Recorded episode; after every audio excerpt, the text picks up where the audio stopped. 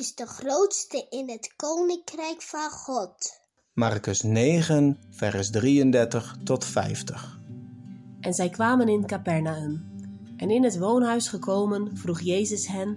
Over wat overleggen jullie met elkaar onderweg? Zij waren echter stil, want zij discussieerden met elkaar onderweg wie de grootste zou zijn. En hij ging zitten en riep de twaalf en zei tot hen: Indien iemand de eerste wil zijn, zal hij van allen de laatste zijn en van allen een dienaar.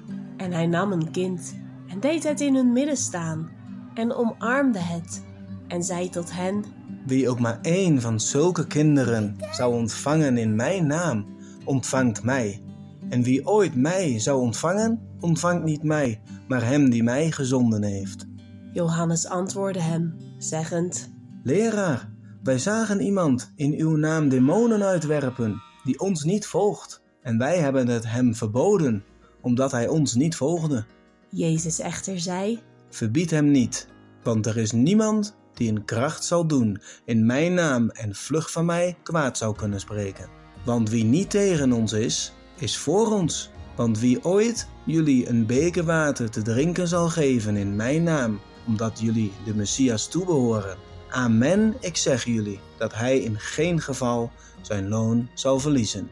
En wie ooit een van deze kleinen die in mij geloven, doet struikelen, beter is het voor hem als een molensteen voor ezels om zijn nek heen ligt en hij in de zee geworpen wordt. En wanneer jouw hand je doet struikelen, hak hem af. Beter is het voor jou kreupel het leven in te gaan, beter dan twee handen te hebben en te gaan naar de hel naar het onblusbare vuur, waar een worm niet overlijdt en het vuur niet geblust wordt.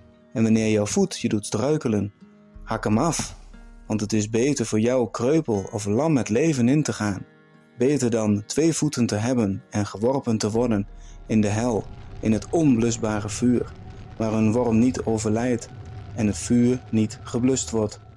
En wanneer jouw oog je doet struikelen, werp het uit Beter is het voor jou met één oog binnen te komen in het koninkrijk van God, beter dan twee ogen te hebben en geworpen te worden in het helse vuur, waar een worm niet overlijdt en het vuur niet geblust wordt. Want allen zullen in vuur gezouten worden, en elk offer zal met zout gezouten worden. Het zout is goed, maar als het zout echter zouteloos wordt, waarmee zullen jullie het kruiden? Heb zout in jullie zelf en houd vrede onder elkaar.